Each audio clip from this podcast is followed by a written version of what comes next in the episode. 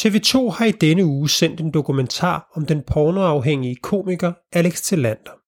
Han har sendt dickpics og ubehagelige beskeder til en række kvinder, der ikke synes det var så fedt med de pikbilleder. Dokumentaren er blevet havlet ned, fordi den lader Alex Tillander få lov til at iscenesætte sig selv som offer for en pornokultur. Det er synd for Alex, skal vi forstå. Men hvad med kvinderne? Og hvorfor sender TV2 sådan en dokumentar efter deres egen katastrofale håndtering af sexisme på stationen? Og hvordan håndterer de kritikken? Det skal vi tale om i dag. Og så følger vi op på nemlig.com, der har lavet en video med direktøren for det hele, Stefan Plenge. Han ser meget alvorlig ud, han taler tydeligt, men han kan ikke lægge det lokumskolde fra sig. Nemlig.coms håndtering skal vi også tale om i dag. Det er fredag, det er påske, og tid til ugens krise. Velkommen til, og velkommen til dig, Anna. Tak. Det er skær torsdag. Ja. Vi sidder her helt alene i en kontorbygning, der er tom for mennesker. Vi havde lige lidt om, hvad vi skulle, hvilken krise vi skulle lande på her i ugen, men er landet på, at vi, vi skal tale om ham her, Tillander, og den her øh, TV2-dokumentar om, øh, om ham her stand-up-komikeren. Mm. Øhm, hvor TV2 jo har lavet en dokumentar, en kort dokumentar på 15-16 minutter, som handler om ham her, stand-up-komikeren Talander, der er ude og skide, kan man vel godt sige, med noget pornoafhængighed, og, øhm, og så har sendt nogle dick pics øh, til, til nogle kvinder.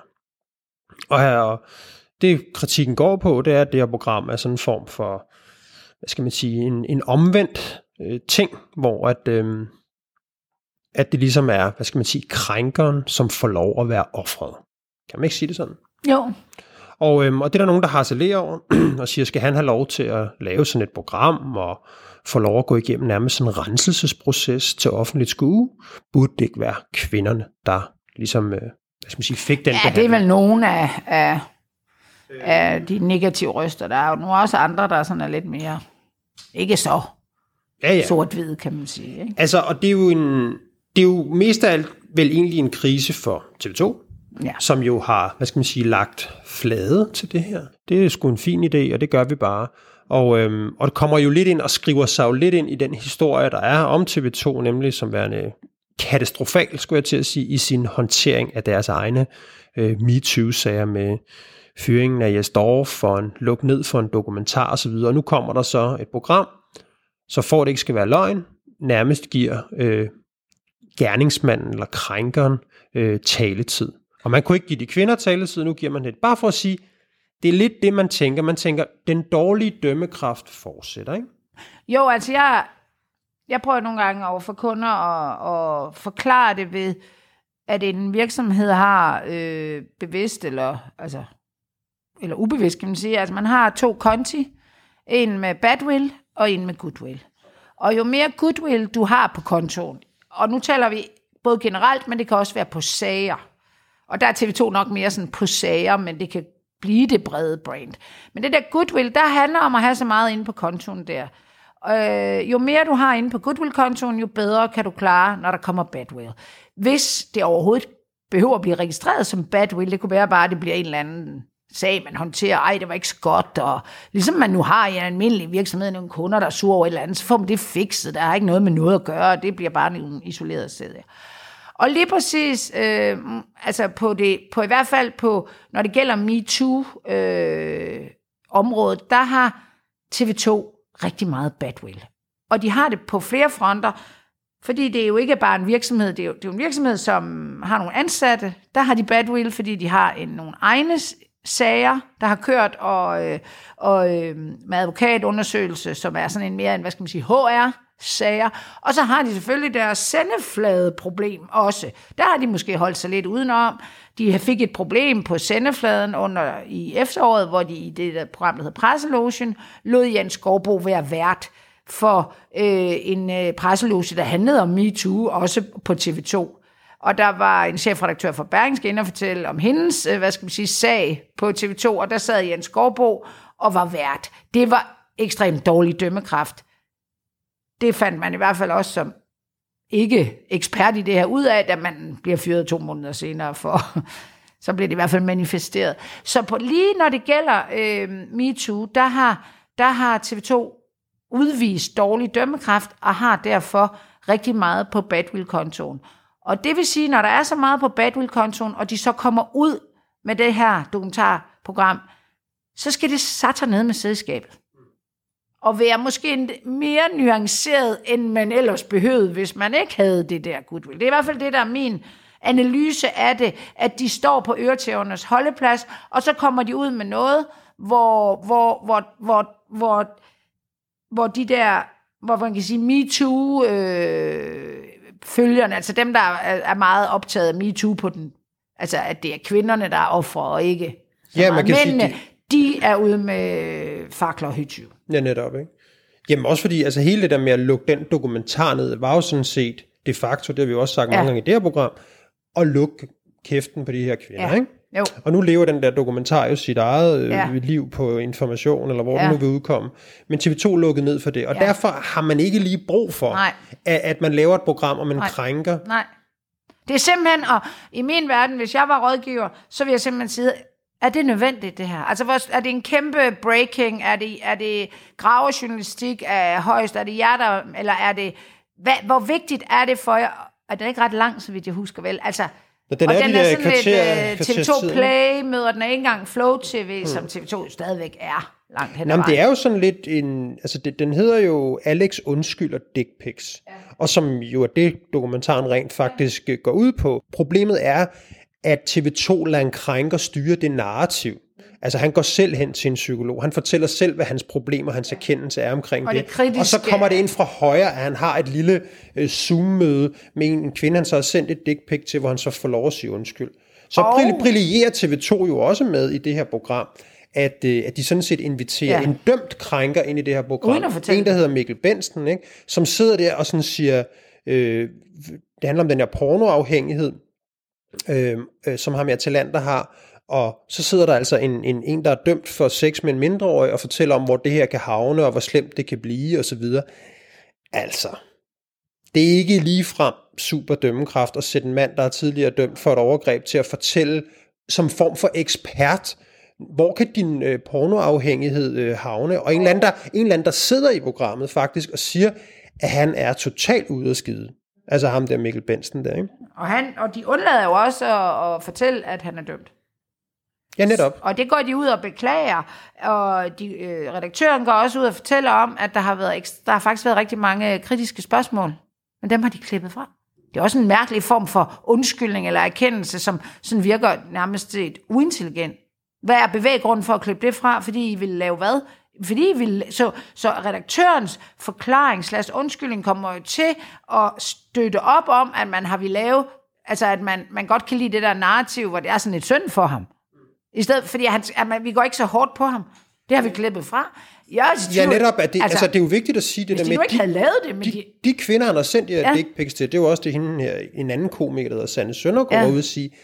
Altså, det er jo nogle kvinder, der synes, at det er ærgerligt, det her program bliver lavet, og det her står uimodsagt, og har forsøgt at tilvejebringe det, og det har TV2 så altså været. Og det, det, er, det er et eller andet... Øh, altså, redaktøren øh, svæver ligesom rundt i nogle... Øh, altså, jeg vil ikke sige, hun bruger, ordet, hun bruger ikke ordet kunstnerisk frihed, men det er det, de har. De har valgt at gøre det på den her måde. Og det er jo en flot forklaring. Men den er ikke særlig... Den passer ikke ind i TV2's, hvad skal man sige, at det er det, det, det, den position, de skal kommunikere fra. Fordi det leder igen hen til det, der i hvert fald er det, jeg øh, harcelerer med mine kunder hver dag. Det handler om deres dømmekraft. Ikke andet. Altså, det, det, kan, det program her kunne godt, altså, det kunne så godt have, altså, have sluppet af sted, og, og sådan, og, og det, det er et greb, de tager.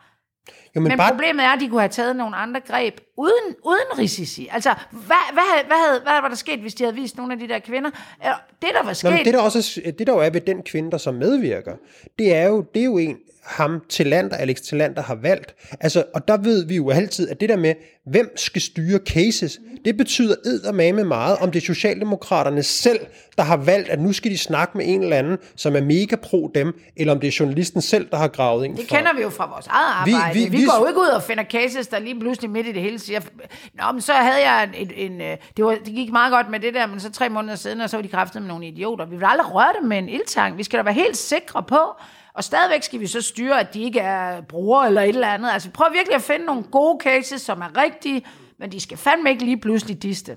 Og også hvor meget vi, vi primer dem, altså, øh, altså du ved, hvor, hvor mange gange har jeg ikke siddet i, øh, skulle jeg sige, når vi skulle lave et eller andet line-up til tv, eller andet, mm. og så sige til journalisten, og vi har også ja. en case her, og så vidste vi præcis, hvad den case ville sige, og hvordan vedkommende ville sige det, og så, var det egentlig, så havde vi sådan set gjort vores arbejde, hvis der var fuldstændig, øh, skulle jeg til at sige, synkronsvømning med det, vi havde primet den her case til, hvad hun eller han sagde i fjernsynet, og derfor er det her jo, går jo fuldstændig imod alle journalistiske præ- principper, at Alex Tillander selv kan vælge en eller anden halvgod veninde, som selvfølgelig bare siger, jeg vil gerne hjælpe dig videre med din proces. Ja, ja. Og det, vi sidder jo, når jeg pitcher ind til medier med case, altså tit så har jeg for eksempel tre, de kan vælge mellem i stedet for, og, og, og jeg, altså mine kunder, altså de, æder, det er jo tit, de siger, øh, rent nu sagt til mig, stik din case skråt op. Vi finder nogen selv. Vi gider ikke at have dine cases. Og det, der er problemet her for TV2, synes jeg generelt, det er, at det er røvdårlig journalistik. Så det handler ikke om, at manden er, skal være offer eller ikke skal være offer. Det handler ikke så meget om MeToo-damer mod mænd, der synes, det er synd for dem, eller ikke får en chance, eller bla bla bla. Det handler om, at TV2 sender noget lort på gaden. Krisen for TV2 er, er, er bestående i forhold til, at de har ikke fundet ud af, hvordan de vil behandle det her MeToo, efter de, øh, de, det virker sådan et øh, tilfældigt eller panik, eller at de leger. Altså, jeg bliver også nødt til at sige, at jeg bliver virkelig forundret over, hvor dårlige de er til det, jeg, man kan måske kalde strategisk krisekommunikation. Og i strategisk krisekommunikation, der ligger der jo en fuldstændig klar plan for, hvordan vi gør efter det her. Det gør vi jo med vores kunder. Altså, nu gør vi sådan, og hvad gør vi så efter? I holder jer for det, I øh, gør sådan og sådan, fordi I har ikke råd til at tabe mere på gulvet. Nemlig også når, netop når det kommer i hvad skal man sige, i følgeskab med det, der ellers foregår på TV2, ja. så må man sige, sådan et program som det her, det skal altså igennem nogle flere filtre, end det er kommet her. En ting er, som der også er i TV2, og også ud af udtalelser om det her, og øh, det var ikke helt sådan ment og sådan noget. Men, men de har sendt det her lort på gaden, og det, det siger jo også noget om dømmekraften til ligesom at sige, hvis vi skal sende noget på gaden nu, ja. så skal det med være i orden. Ikke? Den der, altså jeg har læst alt, hvad den der redaktion, redaktør, hun siger, hun undskylder tre-fire gange. Altså det er jo ikke sådan noget med, at hun, hun, hun, hun, hun kan holde fast i sit. Det gør hun slet ikke, fordi det er så dårligt. Og, og det, det er virkelig et problem, når man ikke kan, når man, når man ikke... Altså jeg har, jeg har jo kunder, hvor jeg rådgiver for eksempel, på at hjælpe deres kundeservice For de er tit sådan nogen, der sidder i en, en meget kommersiel ving, ving, del af virksomheden. De sidder ikke over hos os andre i øh, kommunikation, de sidder i marketing eller salg eller sådan noget. Der kommer jo sprængfarlige emner ind på øh, Facebook og på altså muligt, som de her mennesker på en eller anden måde skal vurdere. Og det er alt for altså tidskrævende, hvis de hver gang, altså hver gang der bare er et eller andet, så skal de løbe hen og spørge nogen. De skal simpelthen selv have nogle redskaber til at sige, kan det her blive sprængfarligt? Og det er et kæmpe problem. Og her taler vi om journalister, der ikke sidder og laver, undskyld, jeg siger det, er lokumskold eller ligegyldig øh, SoMe, de sidder og laver programmer. Deres radar er ikke engang indstillet på det her. Vel? Det er jo ikke receptionisten ude på TV2, der har siddet og lavet det her, eller dem, der går rent. Nej, det skulle man. TV2 skal simpelthen have strammet op på deres, øh, ikke, sikkert ikke bare på MeToo, men hvad det er, de lader slippe igennem. Ja, og netop i særdeleshed på MeToo-kontoen, ja, fordi ja, ja. den der er de så presset, som ja. de er. Ikke? Altså, de, den her sag, er jo ikke slut for TV2. Altså hele det her MeToo, der er stadigvæk en, en medarbejderopstand ude på stationen. Altså det hænger i luften, og som du også startede med at sige, det der med goodwill og badwill-kontoren, når man har en krise, som ikke er blevet løst og håndteret ordentligt, og det kan man sige, det er TV2's ikke, så vil de også sande, at hver evig eneste gang, der bare er en lille fli af dårlig dømmekraft, så blæser det helt op igen. Præcis, og meget mere, end det vil gøre ved dem, der ikke havde de sager. Ja, for den og, ikke, den skal... og BT kan, og Ekstrabladet og Politikken kan jo øh, tage samme medicin. De har også sager, der ikke er løst. Og, de, og det er så det, vi... Øh, men det, er jo, det, det, det kan vi vel også... Altså, det, det er da et problem, at de her sager, øh, jeg vil ikke sige, at de ikke kan løses, men at man bevidst forsøger og hvad skal man sige, at trække tiden ud. Altså jeg sidder med nogle sager nu, hvor jeg hjælper lidt, øh, dels en kvinde, der er blevet krænket i et politisk parti, og de har også bare, altså under foregive af, at øh, ja, men det er påstand mod påstand, og øh, vi har ikke kunnet politianmelde, fordi du lige nåede at blive 18 år, og, eller du har ikke, eller vi kan ikke gøre det nu, øh, øh, så... Øh, så råder vi dig til at dybest set at holde lav profil, og du kan heller ikke, har ikke lyst til at komme mere i vælden. Altså den der med at trække tiden ud, og trække tiden ud, og trække tiden ud. Det var også det, Dyrby gjorde i starten. Ikke? Og nu gør de det i princippet igen, tror jeg. Altså, der er jo ingen tvivl om, jeg kan huske, øhm, jeg talte en gang med, med statsadvokaten, ikke? og han fortalte jo om denne her, Øh altså det, det her kasten grus i maskineriet strategien. Ja. Ja. Altså det der med, man har egentlig ikke selv en eller anden forkromet strategi den er sådan set bare at afmontere de andres. Hver gang der kommer et eller andet, så siger man, hvordan kan jeg gøre det mest surt for modpartens argumentrække? Ikke at lancere sin egen. Og, og, og, og jeg synes meget, at de her øh, håndteringer fra mediehusene ofte minder om det. Altså den Hvad minder kalder det, den, man det? Den kaster grus i maskineriet, strategien. Ja. Ikke? Jeg tror ikke, den har et mere nej, nej, nu har den. Ja, nu har den. Ikke?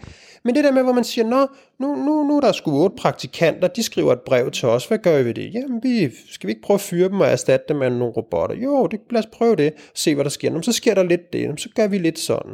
Altså, det er ikke sådan, man har en eller anden stor forkromet strategi. Nu ser vi på TV2 her, Øh, skal vi gå frem? Skal vi take a stand omkring MeToo? Nej, vi, vi, vi ser lidt, hvad der sker. Og hver gang der så kommer et eller andet, så prøver vi at kaste lidt grus i maskineriet. Nå, nu kom der en dokumentar. Nå, lad os prøve at afmontere den. Jeg vil også sige, altså nu omkring Dyrby, ikke? og medierne og sådan noget. Ikke? Du er jo med i et lille program, der hedder det, vi... Stort program. Ja, et stort program.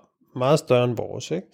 Noget af det, vi taler om, og hvor jeg vil sige, hvor man jo ikke typisk er ked af at lægge fingre imellem, og hvor folk de får eddermame med en røffel og får at vide, hvor skabet skal stå. Ikke? Både Henrik Kvartrup og Ditte Ockmann og dig selv. Og ja, altså, jeg hvem, skrev en Hvem der nu er en, pan, en del af panelet. Ikke? Og, og der, der øhm, nu sad jeg så og hørte det program sidste uge, hvor Dyrby han var, øhm, han var på, øh, på tapetet.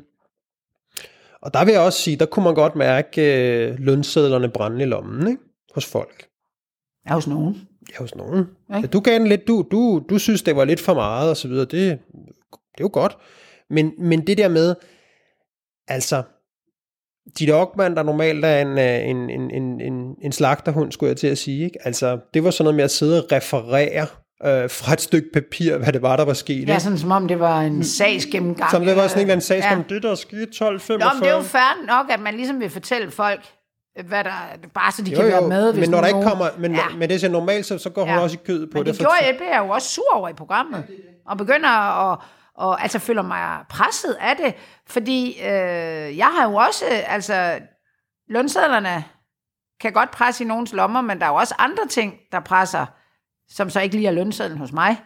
Øh, så, så jeg tror jo, vi ligesom, og Jakob Sten Olsen, det, han var jo også rimelig på. Han sidder trods alt også kun en etage oppe, og, og er ikke i BT, men dog skulle han, altså han gav den jo også fin gas, så det, det var lidt ubehageligt faktisk. Men min pointe er bare, at det der med, når det der MeToo kommer tæt på, så selv et, et benhårdt øh, sladderprogram, som det vi taler om, mm. Der, øhm, der forstår slagterhunden altså lidt, når, ja, det, når, det, når, det er, øh, ja.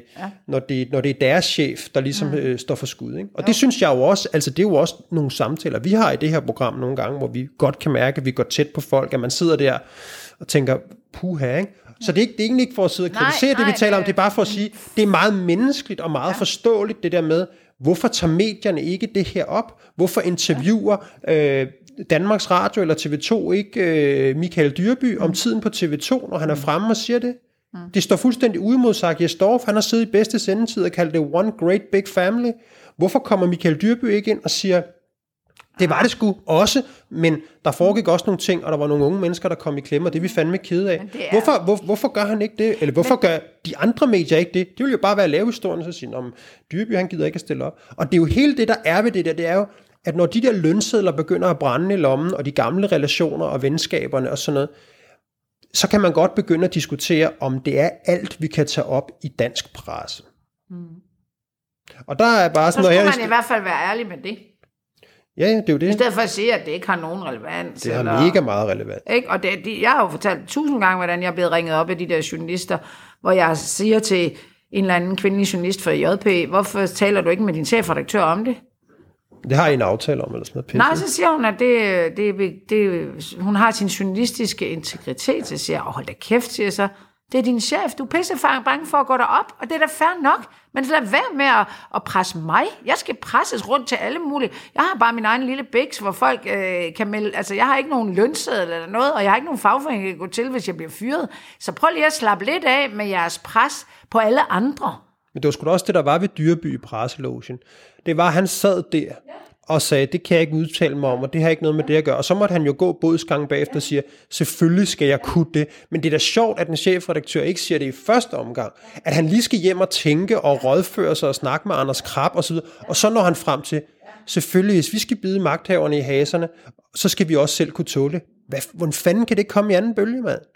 Og så, gjorde, og så skete det også i det, vi taler om, hvor man kan sige, jamen der skete problemet igen, det der med, at der sad folk lige og forputtede sig lidt. Altså selv sådan en som Henrik Fordrup, som virkelig bider, ikke? han sad altså lidt og, og tykkede to gange Ja, og derfor det, jeg manglede, kan jeg da lige så godt sige, det var jo øh, alt den der snak om, hvorfor. Fordi altså, fair nok, og så gjorde han sådan, så gjorde han sådan, og, og Kure havde haft, hold, lavet et, et, et godt interview, synes jeg, dagen før i hans eget magasin, så hvorfor, så vil han ligesom ikke sige noget dagen efter. Og, og Dyrby var selvfølgelig inviteret ind. Jamen, det var et fint, det var ikke, interview, fordi det var et man- fint interview, men altså, altså, det var også meget præget af, at der var lavet en, en, en, en spørgeskemastruktur og så videre. Ikke? Ja, og man kunne have taget sin egen medicin, altså Q Der var da ikke noget nyt i det interview, Kunne hans program dagen før. Nej, nej, Q, Q blev inviteret ind til Danmarks Radio for at lave et uh, interview om uh, ham der, eller snakke om ham der Mads Ågaard. Der bliver hivet i Q ind. Så man kunne da godt have hivet en anden ind her. Ja, det er rigtigt nok. Det er faktisk rigtigt nok. Nå. Men altså, hvad skal vi sige, hvor... Altså, jeg, jeg, den der Talander-udsendelse, bare lige for... Øh, altså, den her dokumentar om komikeren Alex Talander, en person, vi, vi, jeg aldrig havde hørt om før. ham. Bidraget, bidraget med noget, Altså, øh, for TV2, rigtig lortesag. Ja. sætter bare en streg under den dårlige dømmekraft. For Alex Talander, jeg har godt nok svært ved at se, hvad, hvad det er for noget stand-up, han skal ud og lave nu. Altså, Men det er jo lidt ligegyldigt, om han kan lave noget eller ej, hvis man kan få tanken om, at det er det, han har villet. Så er jeg da ligeglad med, det kan da godt være, at det ikke har gang på jord, men det virker lidt selvpromoverende. Vi ved, der er kvinder, der skriver bøger. Først så skriver de en bog, eller holder foredrag om, at de er for tykke, så taber de sig, så holder de foredrag om, hvordan de tabte sig, så bliver de tykke igen. Så, øh, og det samme med, så øh, holder de foredrag om at være enlig kvinde, så finder de en kæreste. Så- Altså, det, sådan noget kan altså godt bruges. Så, så jeg er lidt ligeglad med, at der ikke er måske nogen, der vil høre det. Og, og, og, og jeg mener altså, selv promo, promo, ikke selv, men promoveringen af manden eller bidrag til det, lige præcis på det her, synes jeg er helt off. Det jeg også synes er problematisk, det er, at der bliver ligesom bragt til tors, at, at, at det, selvfølgelig er det ham, der har sendt dick pics, altså, men det er porno, porno i sig selv. Det, at man, det er så tilgængeligt på nettet, og man bare kan sidde der, det er også skyld i noget. Det er der jo, det er der jo en, øh, en psykolog, jeg ved ikke, sgu ikke, om hun er psykolog, der får lov til at bringe til tors der, at han er, det er ligesom synd for ham, fordi det er faktisk på nogen skyld. Der tror jeg, der, er der har jeg i hvert fald læst, at det, der kunne de godt have haft en anden professortype ind, der sagde, det har der faktisk ikke noget bevis på ej, jeg vil også sige, altså, altså, Altså, altså der er jo ikke nogen... folk går ikke ud og myrder Nej. i sig selv, fordi de ser et øh, The Vikings. Altså, Nej. har jeg i hvert fald en søn, jeg skal passe på. Jamen, der, der er netop den der, som, du ved, han er syg, ikke? Jo. Altså, han, han fejler noget med det her ja. Pornoforbrug. Det er jo ikke fordi... Men det er pornoens skyld, det er ikke... Ja, jamen, det, det er jo det, der er problemet. Problemet er jo, at man lægger, man lægger to ting sammen. Ikke? Altså svare til at interviewe en rovmorder, og så sige til ham, han har også haft en dårlig barndom. Jo, jo, altså, Ja, det er det rigtigt har han. Altså. Og det er der garanteret Men det er jo men der er, også, der er også mange, der har haft en dårlig barndom, som ikke er blevet ja, rovmorder, ikke? og der er mange, der ser porno uden at... Og sidde som dick pics, ja. og synes, det er fedt. Og selvfølgelig giver det et indblik i det, men det er stadigvæk sådan lidt, hvis man sidder som kvinde, ikke har fået af ham, men alle mulige andre, hvad skal du bruge det til? Ja, så man er sidder ikke- sådan, man "Nå, sidder ikke og siger, "Nå, det er derfor." Nej, det er stadigvæk bare klamt svin. Der er også, altså jeg har jo set nogle af de der sms'er, han har skrevet tilbage, når folk siger nej tak på den pæne måde. Han blev ved. Og det, det, det er bare sådan, altså det, det, vi har fået sådan en offerliggørelse i samfundet, at det er faktisk svært at være ansvarlig for sine egne handlinger. Nå, Anna, vi skal jo også tale lidt om vores øh, kære sponsor, BookBeat. Mm. hvor at, øh, vi har sådan en kode, man kan bruge. Gå ind på BookBeat, slash krise, og brug koden krise, så, øhm, så får man 30 dage, hvor man kan høre alle de lydbøger, man vil, og læse alle de e-bøger, man vil. Øhm, og, øhm, og hvordan, hvad med dig? Er du, er du på noget spændende for tiden? Jamen, jeg, jeg er jo sådan, nu skal jeg lige give den lidt gas. Øh, Jeg har fået nogle, en del henvendelser, sådan, det har jeg nu fået i mange år, sådan løbende med, med sådan nogle bøger om erhvervsskandaler. Det, der er jeg am to go to. Jeg, selvfølgelig, jeg har selv skrevet en bog om PFA-skandalen, men er nu mere om mig, kan man sige, og mit liv, så, så på den måde er den måske ikke så dækkende. Øh, men jeg har lige dykket ned i en øh, lidt ældre sag fra Jakob Skovbo, der hedder OV Bunker. Ja, den er sgu meget cool. Det er, altså, jeg har så læst om den, og jeg kender jo godt sagen, ikke? men det der bedrag, øh, helt, altså, hvad, hvad det er, der driver de her mennesker. Øh, Men det handler de der erhvervsskandaler jo altid om. Ja, ikke? Altså, det handler de- jo altid om, om de der karismatiske typer. Ikke? Og, Jo, og det er jo, det er jo dem, jeg synes, der er de sjove. Der er også sådan nogle virkelig... Altså, der er også nogle... Altså, det kan også godt være sådan nogle mere... Altså, jeg kan godt lide skandalerne, hvor den store fortælling, hvor de selv sidder med om et eller andet erhvervseventyr, de er sgu sådan lidt kedelige, ikke? Det er, altså, skandalerne er sjovere. Og øhm, så OV Bunker er, synes jeg skulle er cool, og der er spurgt en masse, al- altså jeg kan, det er, altså der er en masse almindelige medarbejdere, der er blevet spurgt, ikke bare sådan nogle hotshots typer. Men OV Bunker? Mm. Fedt. Hvad med dig?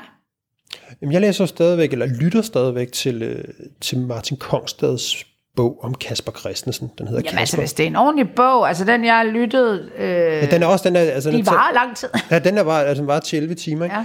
Øhm, men som jo mest af alt er en bog, som selvfølgelig handler om Kasper Christensen, men den handler sgu også meget om Martin Kongstad. Ja. Og det der, det, det gør den bare hammerfed. Ja. Og så er der sådan en, øh, der er sgu en, en fed, øh, en ret fed øh, ting, det der, det der, jeg er nu i bogen, som handler om hende her, Lotte Larsen, med Z, som Kasper Christensen var kærester med der i 90'erne, øhm, og som ligesom hævde ham frem, og var hende, der valgte ham til Husk lige tandbørsten, og det der ligesom, om man så må sige, sendte ham ind i kendis-stratosfæren. Ikke? Øhm, om de der kvinder, Kasper ligesom har været sammen med, de vil ikke stille sig frem. På nær hende, hun stiller sig frem på en betingelse, at det bliver sådan en parforholdssession, hvor Martin Kongsted ligesom er parfor, parterapeuten, og hende og Kasper øh, Christensen, de så mødes for første gang i 25 år. Og, øhm, og så handler det jo helt vildt, altså som i sig selv bare er skide sjovt at, at høre om, ikke? at det der helt vilde powerpar fra 90'erne, der nu mødes 25 år senere, og reflekterer lidt over det der vilde liv. Så udover selvfølgelig at være rig på de der anekdoter, der er øh, fra 90'erne, og de Ja, ja, der programmer, hvad der skete bag skærmen, øh, så er det også sådan en, en, fed historie, hvad som siger, om menneskelig udvikling. Ikke? Men hun har det der med, problematiserer meget Kaspers utroskaber. Ikke?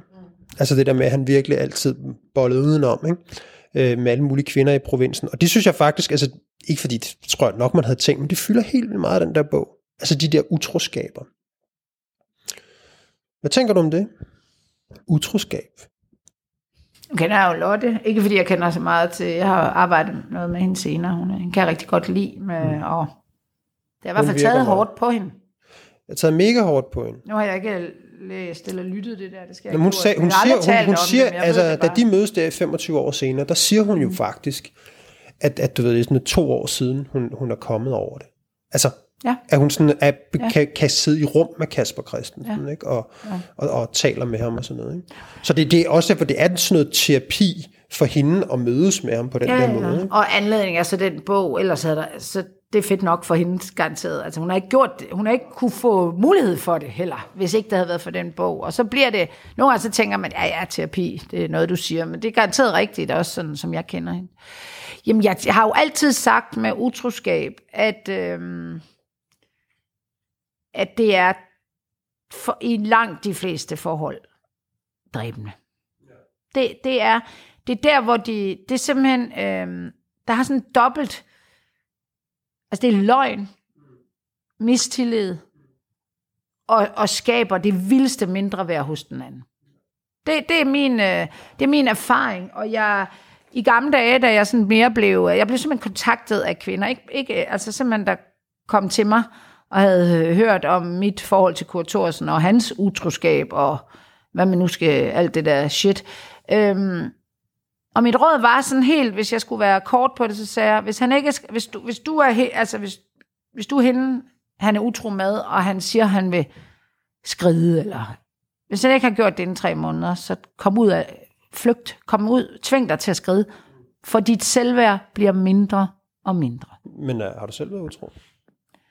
Jeg har været utro på den måde, jeg var i et forhold, altså hvor vi ikke var gift eller noget, og det var ved at slutte, og så møder jeg en anden, og så går der de der to måneder, hvor jeg simpelthen ikke kunne bære det. Jeg synes bare, det var... Altså, vi var jo på kant med hinanden, og alt var dårligt. Og så øh, skrider jeg. Jeg sagde ikke engang, jeg var utro eller noget, altså. Men det der, men jeg har jo været udsat for utroskab. Rigtig, rigtig meget. Det, der har gjort allermest ondt på mig, det er den der føren bag lyset. Den der med, for eksempel, at folk ved det, men jeg vidste ikke. Ikke? Den der med, at kvinder øh, er bliver pakket ind i vat eller i en glasklokke af veninder og alt muligt, så alle ved det, undtagen hende. Og hun ved det godt, hvis hun tænker sig om, men det lader hun være med. Det ved jeg ikke, hvor, hvor det er simpelthen... Nå, den kan jeg godt ikke genkende. Ja, den synes jeg er ubehagelig. Jeg er jo typen, der siger det. Ja. Altså, jeg, jeg vil, og folk er sådan, du, du, hvad nu, hvis du har ødelagt deres forhold, hvis han nu var, havde droppet det, og sådan mm. Er det mig, der er problemet nu? Ja, ja. Ikke? Altså, glem det. Ja. Jeg er iskold. Jeg har, jeg har hørt det fra flere mænd i, i, afar, i afarter, og sikkert også kvinder igen. Jeg tror, jeg, jeg ved ikke, hvem der er værst, eller om der er en konkurrence i det hele taget. Men når de sådan virkelig krænger hjertet ud, altså, okay, hvorfor, gjorde, hvorfor sagde du det ikke, eller hvorfor gik du ikke, eller hvorfor sagde du ikke til mig, jeg kommer aldrig til at gå, men jeg kan godt lide dig, bla bla bla bla. Så bruger de et ord. Det er sådan det, de har tænkt allermest over, og så man godt kan købe lidt hen ad vejen. Det hedder misforstået loyalitet. Mm. Det er fantastisk. Ja, det er med. Altså det er også bare sådan, det lyder godt i første, det smager faktisk også, mm. sådan indeni er det bare... Bullshit. For det handler bare, jeg vil have det hele. Mm. Ikke? Jo. Men altså, jeg synes faktisk, at det her det er sådan en af de bøger, som, som jeg har læst, som behandler sådan et emne som utroskab. Utrolig ærligt og fint, og også de der fra, kan man, om man så må sige, både fra, fra dem, der som i det tilfælde er Lotte Larsen, øh, som virkelig er blevet udskat for Kaspers utroskab, men også ham, som kan man sige, som livslang øh, utroskabstype. Ikke? Det, der er fedt, det, der er fedt ved, øh, ved, ved Kaspers betragtning om utroskab, er, at han ligesom tager nogle af de der typiske forklaringer på, hvorfor man gør det, og øh, hvorfor man er det, og hvorfor man piller lyver, og, hvordan man, og, og piller dem fra hinanden, indtil mm. der faktisk står et ret fint destillat af, af utroskabets DNA. Ikke? Mm. Så det er sgu en, øh, det er en ret fed bog. Den, den, den, jeg, jeg er totalt hooked på den, og hver gang jeg lige har en ledig stund, så, så, så, så lytter jeg til den. Øhm, jeg synes virkelig, det er, og så er den også sjov, fordi du får alle de der anekdoter ja, fra ja, 90'erne ja, og, og sådan noget, og, og bag, ja, sådan noget med hans første date med Lotte Larsen. Den første, eller første gang, de er sammen, det er sammen med en anden. Altså, de, de har en trekant på, i deres første seksuelle oplevelse. Ja, ja, det, det er jo også det, sådan det, lidt sensational. Det er også lidt uh, rock and roll, ikke? Mm. Øhm, og så, så er det simpelthen bare det der parløb med Kongsted og ham, hvor Kongsted han er sådan en, der øh, aldrig har været utro og levet sammen med den samme kvinde i 20-30 år eller et eller andet. Og så den der kontrast til Kasper, der nu er at køre på tredje, fjerde kone og blevet veganer. Altså, altså hele det der, det er sådan en, det, det er nogle fantastiske jagttagelser der. Jeg kan virkelig, altså det er sgu den bedste bog, jeg har læst i år, vil jeg sige. Fedt. Har lyttet til. Ej, den, Hvem har indlæst? Øh... Den er jo så, det er jo ham der, Klaas Bang. Nå ja, der er indlæst Kasper. Mega altså det er simpelthen bare, altså han kunne, han kunne, han kunne fandme læse en, en kedelig bog op, ja, men stadig en IKEA-instruktion, og det lød ja, fedt. Ja, præcis. Ja. Du tager skruen frem, ja, ja. finder en skruetrækker ja. frem. Han er virkelig god, ikke? Hop ind på BookBeat, brug den her famøse kode krise, så får man 30 dage gratis, så kan man jo prøve at godt lå at ja, lytte sig igennem noget, ikke? Og så er der vel et eller andet abonnement, hvis man er blevet hooked. Men Anna, jeg synes også lige, vi skal forbi en lille øh, opfølgning på nemlig.com, fordi ja. at øh, efter vi havde optaget programmet sidst, som jo handlede om nemlig.com, så, øhm, så kom øh, deres administrerende direktør jo tonet frem på, på skærmen, om man så må sige, i hvert fald på de Hvad sociale medier. lyttet til...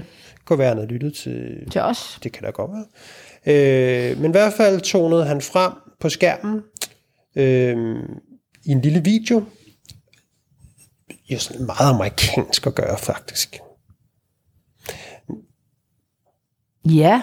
Sådan det der med at Jeg kan huske, Domino's Pizza gjorde det, da de Ja. havde en krise for nogle år siden. Øh, når man toner frem på skærmen i sådan en, øh, i sådan en meget hårdt, øh, sådan kli- klippet video, hvor der lige er sådan, bang, lønforhold, så Mm. siger han noget om det. Chaufførerne, øh, så siger han noget om det. Ikke? Øhm, Ja, som Det- om det, det- er også lidt en huskeliste til sådan nogen som os, eller journalister. Prøv, Mm. altså ja, hvis ikke du gider at høre det, vi, vi adresserer det hele. Mm. Ikke? Øhm, og den var jeg var nødt til lige at se den et par gange for at forstå, ja. Hvad, hvad, der egentlig, ja. hvad der egentlig var på spil her. Vi kan lige prøve at høre et klip fra, øhm, vi kan lige høre, høre et klip fra videoen. Det kommer her. Kære kunder, mit navn er Stefan Plenge, og jeg er stifter og administrerende direktør i Nemme.com. Den seneste uge har der været en række kritiske historier og påstande om måden, vores varer bringes ud. Nemme.com giver ikke bøder til chaufførerne. Og vi kan på ingen måde heller acceptere, at vognmændene giver bøder til deres medarbejdere, chaufførerne. Derfor så har vi øjeblikkeligt suspenderet den øh, modregningsmodel, vi har over for de selvstændige vognmænd, Altså, jeg synes jo godt, man kan sige, at, at øh, ham her, direktøren for, øh, for Nemme.com, Stefan Plinge, altså han, der, der er jo en af de her ting, vi har i krisekommunikation, det er jo det her med, at man ligesom skal vælge talspersonen. Mm. Og øhm, der er ingen tvivl om, at folk vil se direktøren. Der er ingen tvivl om, det er rigtigt, at det er direktøren, der skal tale. Men der er heller ikke nogen tvivl om, at Stefan Plenge, han er ikke verdens bedste person til at se sympatisk ud. Han er heller ikke verdens bedste til at se ud, som om han er en, der mener det her, ud over, øh, ud over noget, der handler om, at det skader hans forretning. De har ikke andre at vælge mellem, jo, for de har, de har ikke engang... Det, det, altså, det, det ved jeg godt, men det er det, jeg siger. Ja, ja, du, du har men- et ret stort problem, Ja, når du når du ikke- har en mand, der som ham er hele tiden, så altså, det, der er ikke et, ikke fordi der skulle være et smil i den her video, men der er nærmest ikke en mine at fortrække mm. i det her. Øhm, det er helt monotont øh, stemmeleje hele vejen jeg tror, der igennem. er teleprompter på. Øh, det ser sådan ud. Øhm, altså, hvor, hvor når man går frem og laver video, så går man frem til at bruge et medie, der har mange cues. Altså, hvis man ser ud som Stefan Plenge, og man så må sige ikke sådan udseendesmæssigt, men i forhold til det at kunne udvise forståelse og, og, og, og, og sit moralske ansvar på en troværdig måde, så skulle det godt, ikke skulle have valgt video. Fordi det er ikke et medie, der tjener ham særlig vel. Det er stadigvæk uh, corporate bullshit skuff. Nu er der dog kommet lidt flere, uh, hvad kan vi sige, uh, ord på, men leverancen af dem, er fuldstændig den er stadig lokumskold. Og han, de har fravælger jo en ting, som vi selvfølgelig også var efter, men fravalget bliver faktisk også lidt mærkeligt, at de har haft enormt travlt. Øh, og derfor har de ikke, øh, har de dybest set tjusket med det her. Det er jo egentlig ikke i sig selv, kunne man godt bruge det til lidt. De afslører faktisk bare med den måde, de bruger det i pressemeddelelsen, og så fra, fra, fra valget her, at det bare har været en dårlig undskyldning. At hele den her øh, forretningsmodel er jo bygget op om det her. Det har ikke noget med corona at gøre, eller travlhed. Det er jo det, der er grund... grund øh, Ja, ryggraden i virksomheden. ja, og derfor bliver travlheden jo bare en dårlig undskyldning, fordi det er jo ikke travlhed, der har fået dem til at skulle øh, øh, arbejde. Jo, det er jo måske for til, at- jeg ved, måske endda, jeg tænker bare, hvad... Altså, som om det er jo ikke sådan, de arbejdede 6 timer om dagen før, og nu arbejder de 15. Det er hele tiden, jo mere de har kunne presse de her vognmænd og underleverandører til at, og, øh, og hvad skal man sige, at arbejde meget for, for meget få penge, jo bedre er deres forretning. Og derfor bliver det jo endnu mere næsten usympatisk, at når det så går rigtig godt, og de skal ansætte mere, så skal de bare tjene endnu flere penge på det. Det der, det der, det der, altså, men det der er altså virkelig en, en total stråmand i den der film, det er jo der, hvor han, hvor han siger, nemlig.com giver ikke bøder. Nej. Jeg vil gerne understrege, at vi ikke giver bøder. Ja. Derfor ja. er vi stoppet med vores modregningsmodel. Altså den der, hvor det lyder som om, altså at de siger, jeg har aldrig været utro, jeg kunne aldrig drømme om at være utro. Derfor stopper jeg med at være utro. Altså sådan, Det, det giver ikke nogen det, det, Og det, det, det, det, er en- det er en gratis omgang, hvor Ja, det igen, nu talte vi om begrebet lavede- apologia sidst. Fuldstændig, altså og, og, det- og det der med, det lyder som om, at de aldrig har gjort det, og det lyder også som om, at de siger undskyld for det. Men det gør de også, fordi hvis der er siden jo en advokat, en af de hårdeste advokater, der lavede det her, det kan man nogle gange også have mistænkt for, at det er sådan nogle, de bruger, så er det jo rigtigt, at nemlig.com aldrig har givet en bøde. Det har deres underleverandør. Præcis. Og det er jo noget, og det er derfor, at, men det er jo løgn, altså at der ikke er givet bøder. Men vi er, I kan ikke tage os i at have skrevet ordet bøde på et eller andet, eller sådan noget. Det er det, han siger, og det har aldrig været problemet. Problemet er, at chaufførerne får bøder. Ikke om I giver dem, eller underleverandøren giver dem, eller nogen tredje. Nemlig.com bryster sig jo, altså ligesom du siger, vi giver jo ingen bøder. Nej, men når man ser den der Ford Transit, der er overtrukket med film, en eller anden gammel, sur, gammel postbil, der er overtrukket med nemlig.coms øh, øh, folie, kører rundt. De kommer grunde i uniformer, hvor der står nemlig.com på, osv. Så er det argument om, at det her det er nogle dejlige, selvstændige øh, chauffører og vognmænd, øh, som driver deres egen butik. Det er simpelthen løgn. Det er simpelthen løgn. Juridisk er det måske korrekt, men i forhold til alt det, som vi kognitivt forbinder med en ansættelse, det er jo ikke sådan, som politiet kommer hjem, vi har udliciteret politiet, du kan bare tage uniformen på og køre rundt i bilerne, og så kan vi få meget mere politi, hvis vi mangler politifolk, og vi kan også få dem meget billigere, fordi jeg vil gerne være politimand og gå og give bøder nede i mit lokale Men de er politimand, og de, øh, har, og de bærer rundt på den credibility som en politimand, og det, det er faktisk det, vi vil have. At de så enten udskriver skriver bøder til de forkerte, eller slet ikke udskriver nogen, det er fucking lige meget. De skal bare have credit, når de går rundt. Det er det, de gør. Men igen er vi inde i, at folk ikke forstår, hvor crucial en del af deres forretning det her er. Men de behandler det som en, Jeg tror, det er jeg ikke så tror vigtigt faktisk, det her, nu har vi rettet op på det. som vi sagde i programmet sidst, at det her handler jo meget om øh, nemlig.com .coms øh, politiske legitimitet, og jeg tror også, det er det, de virkelig er bange for. Altså det er det der med at sige, hvordan vil de blive reguleret nu her, nu 3F øh, rasler med sablen og alle mulige ting. og sager. Men jeg tror også, at den der tid, ligesom du ved ude, hvor jeg bor, nå, så står der lige de der 10 nemlig øh, .com kasser ude på vejen til, til store skrald og så videre. Ikke? det er ikke så cool mere. Hvis man er sådan en lille øh, spældt familie, som går lidt op i bæredygtighed, så man har den der chauffør, så tror jeg ikke, man sidder i lige så høj grad til, til påskefrokosten og siger, ja, vi bruger nemlig.com. Altså, jeg tror, det her det er ved at få et lidt dårligt rep, fordi at man, nu er den her sag kommet frem, nu er den her sag kommet frem, og nu er det altså ikke så cool og overskudsagtigt at lige få besøg af nemlig.com-vognen, som det var. Jeg er okay med, at, øh, at der er nogle mennesker, der får en mega lav løn osv. Og så er spørgsmålet jo, hvad det også betyder på, på vejen og i opgangen, at det er nemlig.com, der kommer og afleverer ens, ens, øh, ens varer. Det kan jeg godt øh, have min tvivl til. Jeg synes, at, at det, de lider under her, det er den der perception af at være noget cool og, og, og, og coronaens redning. Det er, nu er det sgu blevet lidt, nu, nu, nu, nu er det blevet lidt Agnes Cupcakes. Hør her. Hvis ikke I kan behandle jeres ansatte ordentligt, så finder jeg sgu bare en anden cupcake. Ikke?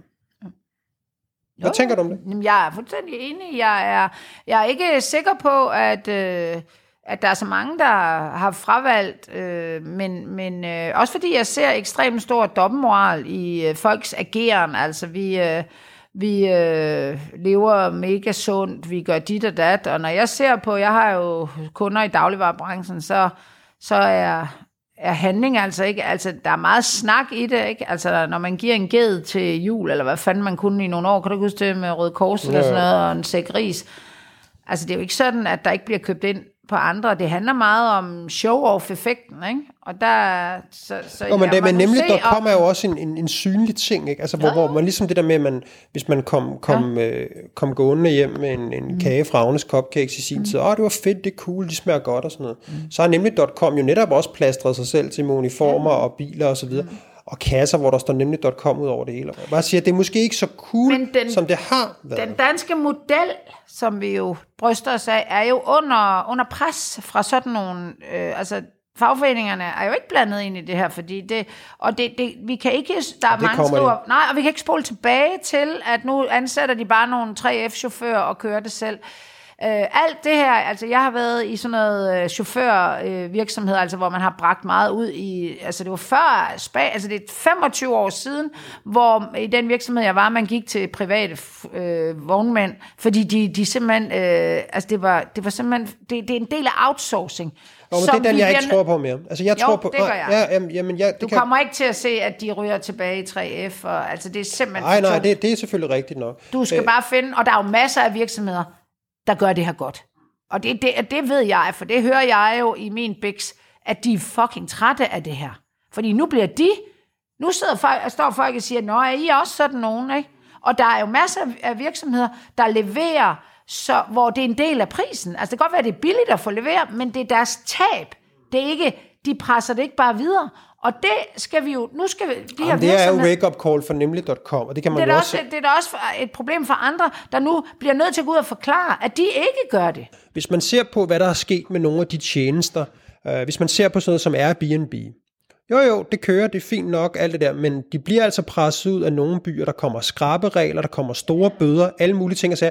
Det er det samme, vi så med, med, med Uber og den nye taxalovgivning, som de facto betyder, at Uber øh, blev aflivet i Danmark. Hvis vi ser på løbehjulen i København, hvor der også var et momentum til det, at sige, nå, fedt nok, og der kom, jeg ved ikke, hvor mange nye tjenester, bang, nu skal de alle sammen stå øh, i et cykelstativ. Og nu har vi så, vi har Volt, som også er oppe i vælten. Øh, der er altså også stemmer i at sige, det skal stoppe. Nu har jeg beskæftiget mig med sådan noget her i 25-30 år. Det har kørt, og, det, og som jeg sagde før, i 25 år siden var jeg med til at lave en af de første. Ved du, hvor det kører perfekt? En af de første, hvad? Øh, øh, øh, sådan noget, det der hedder ruteopt- ruteoptimering, hvor du stopper med at have chauffør selv og lægger det ud til selvstændige vognmænd. Der købte vi sådan et kæmpe ruteoptimeringssystem samtidig. Det var før GPS. Det var jo GPS, kan man sige. Man lavede det bare, og så printede man det ud. Ikke? Det kører nemlig perfekt i B2B. Når du får noget, nogle varer, prøv at kigge ud på alle de virksomheder, der de får varer hver dag, lagt ind i ruter, vi leverer til dig om torsdagen, fordi virksomheder vil godt betale for det. Det er dig og mig og mine smarte naboer hjemme i Håndboldskade, der ikke vil betale. Og det er jo ikke kun politikernes skyld. Det er jo her fra Danmark, der, når- når det kommer til sådan noget, så vil de kraftede med at have det, ligesom de heller ikke vil betale for ordentlige fødevarer. Men virksomheden, de vil godt betale. De kan godt forstå som virksomhed, at når de kommer med noget, så skal vi betale 119 kroner i Jamen, så, levering. sådan, sådan, sådan, Så sådan må er det. bare, hvad? Jamen, jamen det, men det er Og du det så er vel også betaler- eksemplet på, det det er godt ganske skal... almindeligt, når du så øh, bestiller meget mere, så kommer du op for at skal have leveret for 1000 kroner, så får du leveringen gratis. Det er da helt klart, der kan man da regne ud, at så, så er øh, øh, leverandøren, så giver de af, af, af fortjenesten. Fordi, der er så, fordi de tjener mere. Det er fuldstændig normal tankegang.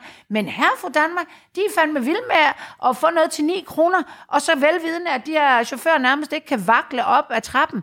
Det er med med der dobbeltmoral, og jeg siger ikke, at politikere ikke skal blandes ind i det. Jeg siger bare også, det burde være wake-up call Jeg tror- jeg til tror ikke- herre jeg og fru tror ikke, Danmark, alle der ikke vil sådan. betale, det, hvad tingene koster. Jo, jo, men jeg tror ikke, alle tænker sådan. Det skal de bare til. Ja, ja, jo, jo, det kan man selvfølgelig sige, men hvis nu man tager Uber for eksempel, og det der med, der er jo meget i det der med, nu kommer der noget nyt, og nu kommer der noget smart, og noget vi ikke har prøvet før. Og så som det, om man så må sige, øh, skrider frem, så finder man ud af, at de betaler sgu ikke skat, og hov, hvad hvis man kommer ud for en trafikulykke, så er de ikke dækket af en Men det er forsikring. du da fuldstændig ret i. Men Uber gjorde jo noget andet i Danmark. De, de gjorde opmærksom på, at det her taxa, at altså når jeg tog ud fra lufthavnen og skal bo på Amager, så skal jeg finde mig i en tilsvining hele vejen. Og de gider ikke engang at tage min taske ud, og der er stank af pomfritter i. Altså hele taxa, den etablerede Men, taxa. men Uber er lukket. Jamen det er da lige meget. Jo, jeg er men, ligeglad med nej, Uber. nej, nej, nej, for Uber, det siger, det siger bare- netop noget om det, du siger.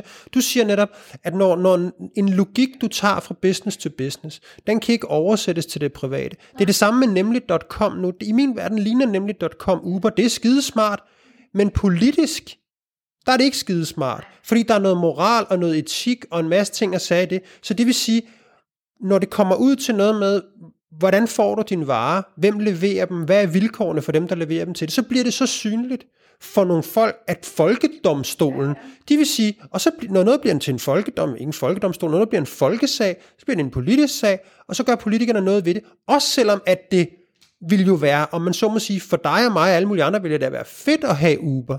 Det ville være fedt, du lige kunne tage en vogn og suse afsted, og du skulle finde, der er ikke en tilsvining, og så videre, så videre, så videre. Øh, fordi den der, den, de, de almindelige taxichauffører er til at lukke op og skide i. Altså, men, men det er sådan, det vil gå, og det er også derfor, at den her sag er i min verden rigtig farlig for Uber. Det er jo fordi, den er, eller ikke for Uber, for nemlig.com, fordi den er hammerpolitisk, og den betjener sig ikke af de samme rationaler, som der er i business to business overhovedet. Men stadigvæk øh, øh, handler det jo også om, at, at hvis politikerne går ind og regulerer, så, og de vil blive her, så skal, de, øh, så skal her for Danmark vende sig til at betale noget mere for det. Jamen, det gør de jo også her fra Danmark. De, hvis du skal tage en taxa i, dag, hvor du kunne, dengang med Uber, så var den billigere, og ja. den var bedre. Nu må du finde dig i, at du kommer ind til ja. en, øh, en, en, en ildelugtende Nej, type. nej, nej, det er det, jeg siger. Der skete jo faktisk noget med den, med den danske... Jo, jo, det gjorde der. Det gjorde der. Altså, Så det er stadig lige så meget røvnøgler at tage en taxa. ja, jeg har ja, jeg men, prøvet. ja, ja, men det, det, det var jo en af de årsager til... Er ikke sådan, så taxabranchen lærte en masse af Uber, Uber? Nej, det er det i hvert fald noget. Ja, det er jo meget lidt. Det er ikke blevet federe at sætte sig ind i en taxa. Det er vist heller ikke blevet meget billigere, så vidt jeg ved. Nej, nej, men det kan man så... Men det, det, det var i hvert fald en... Det der, det, det, det, der er problemet nogle gange med de her gamle etablerede måder at gøre tingene på, at de får lov til at sove, som taxabranchen har gjort det i Danmark. Ikke? Altså ikke sket en skid, det bliver bare dyrere og dyrere. Stadigvæk har du så nogle taxaer, der ikke engang... Altså nogle vogn... Eller jo, eller nogle Jamen, nu er det jo blevet muligt for penge. dem at tjene penge på det. Ikke? Altså, nu er, det blevet, nu, nu er taxagamet jo blevet sådan et, hvor det er blevet mega svært at tjene nogle penge på det. Ikke? Jo, jo, så Og det nu er løbehjulene også forsvundet, så nu ja. er der måske kommet et... Altså det vil sige, den der, kan man sige, den der mono, monopolistiske ja. tilstand, der var, hvor man kan jo sige mange ting om løbehjulene, det var skide irriterende, at de lå på gader og stræder, men det var sgu da pisse smart, Ja. ja. at hvis man lige skulle fra et sted til et Ja. andet, så kunne man tage et løbehjul, der stod på hvert et gade, og nu er det sådan med, ja, jeg skal lige op på hovedbanen, for, jeg, for der står de nu. Mm. Så, så nej. på mange måder endte det her jo netop til ikke at blive Negativt. Jamen, det, er- det er taxa der øh, også, så. Jo, jo, men det er også det, jeg siger med nemlig.com. Om det er smart, nu kan man få leveret sin varer hjem til. Lige indtil der bliver en politisk indblanding i det, så er det sådan noget med, jamen nu koster det 149 for, for, for leveret din, din varer fra nemlig.com. Og så sidder de altså inde i, i, i en nemlig, øh, du ved, hvad ved jeg, business development afdeling og siger, kære venner, så kan vi sgu ikke få det til at hænge sammen. Så kan vi ikke prismatche mod Netto og alle de andre mere. Og, og det er jo det, der er det farlige for nemlig.com. Det er da mega fejl. Og, og hvem, hvem, jeg vil så umiddelbart tro, at dem, der så kommer til at vinde på det, det er de gamle supermarkedskæder.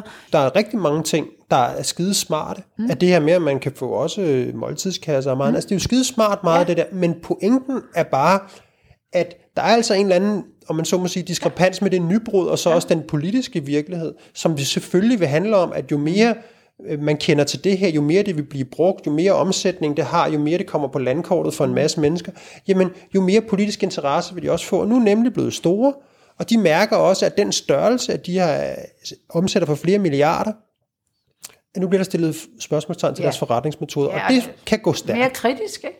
Jo, det kan gå stærkt, ikke? Og jeg tænker, at, at når, man, når man har set de utallige indslag øh, i TV-avisen og nyhederne med, altså hver gang der har været sådan en et virksomhed, der er ved at gå på røven, så skulle man også lige have en god en virksomhed, der har, og, det, og der har nemlig været en af dem, der hele tiden, og det har jo provokeret, altså der er nogle, øh, der har jo været lidt snak om de chauffører før, så der har siddet nogle journalister og sagt, øh, det jeg tror lige, vi kigger lidt ned på det, og det er jo det, vi siger, risikoen, når du får eksp- eksponering. Ikke? Det er jo, når, når du får så meget eksponering, at nogen begynder at sige, at det nu, kan det nu passe? Og hvis du bare har ren røv og trut i, så er det jo fint. Du ved, den her succes og stillet sig frem og sagt, det går godt, og der er fedt og så videre. Det kunne godt være, at man skulle have haft lidt mere Ja. ja. afdæmpet Og det har- ja. ja. Ja, kommunikationsstrategi. og lad være der. med at tage alle de gode sager mm. og stå og vise lageret frem, og alle de der nye medarbejdere. Fordi, og det er jo det, vi arbejder lidt nu her i, i stadigvæk corona, det er, det er samfundssind, at altså, det blev nærmest historie om, at nemlig.com gjorde danskerne en, en tjeneste ved at køre ud med noget mad.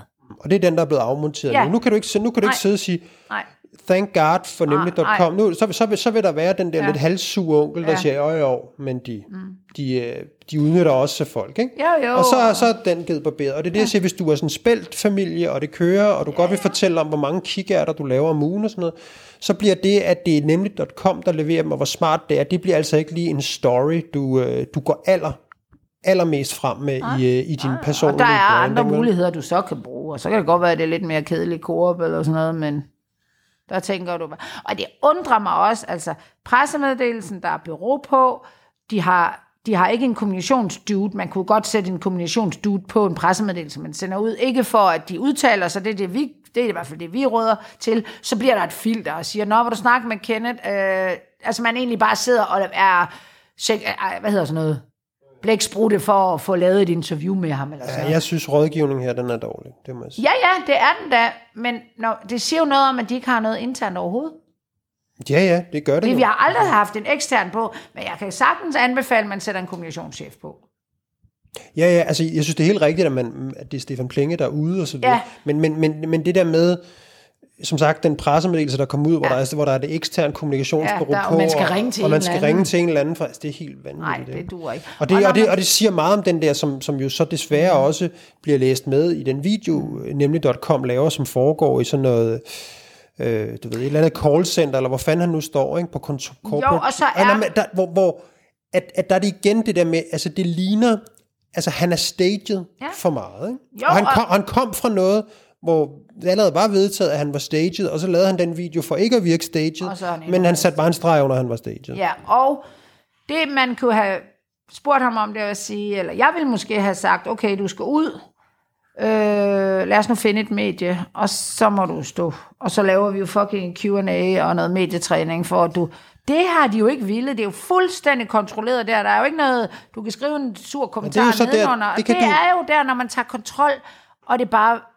Det, du tager kontrol, du har kontrol, og det signalerer, vi har ikke rent mel i posen, altså vi tør, vi er bange for kritiske spørgsmål.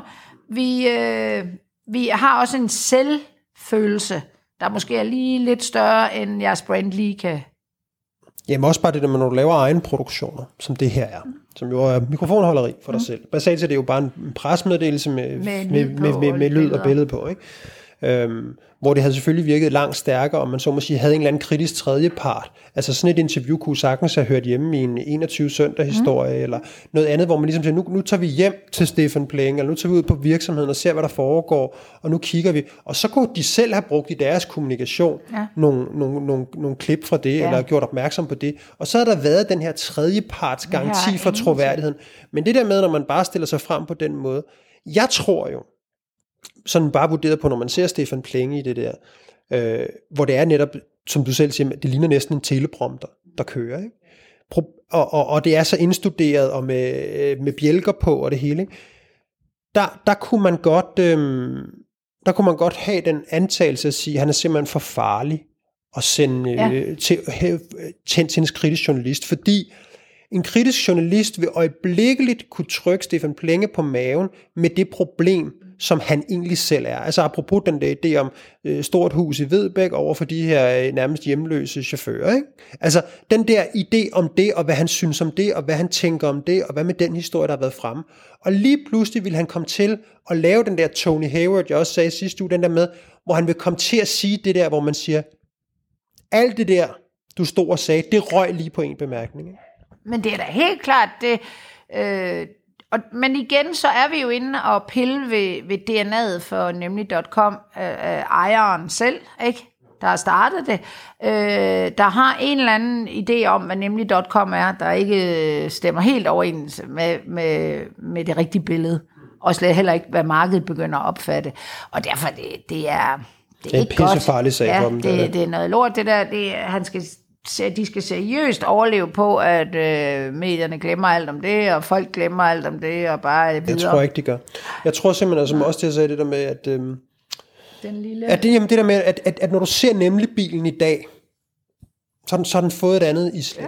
Og, og, du, og, og, Og nu, det og, og det, nu, du du ser. ser. Du ser mere, nu, nu ser du, ser mere ikke- den du der ikke, gamle, hvad der er i- sure Ja. postbil, Ja. for transitten, der er Og overtrukket en film. stresset indvandrertype, Ja. ja. som måske ikke engang er indvandrer, jeg ved ikke, ikke hvad det er.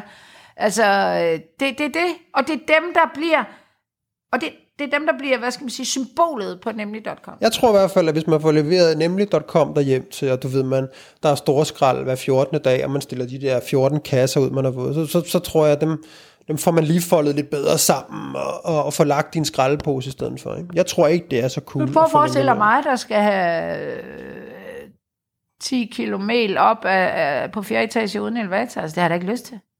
Havde jeg så heller ikke. Jamen, det har jeg da ikke.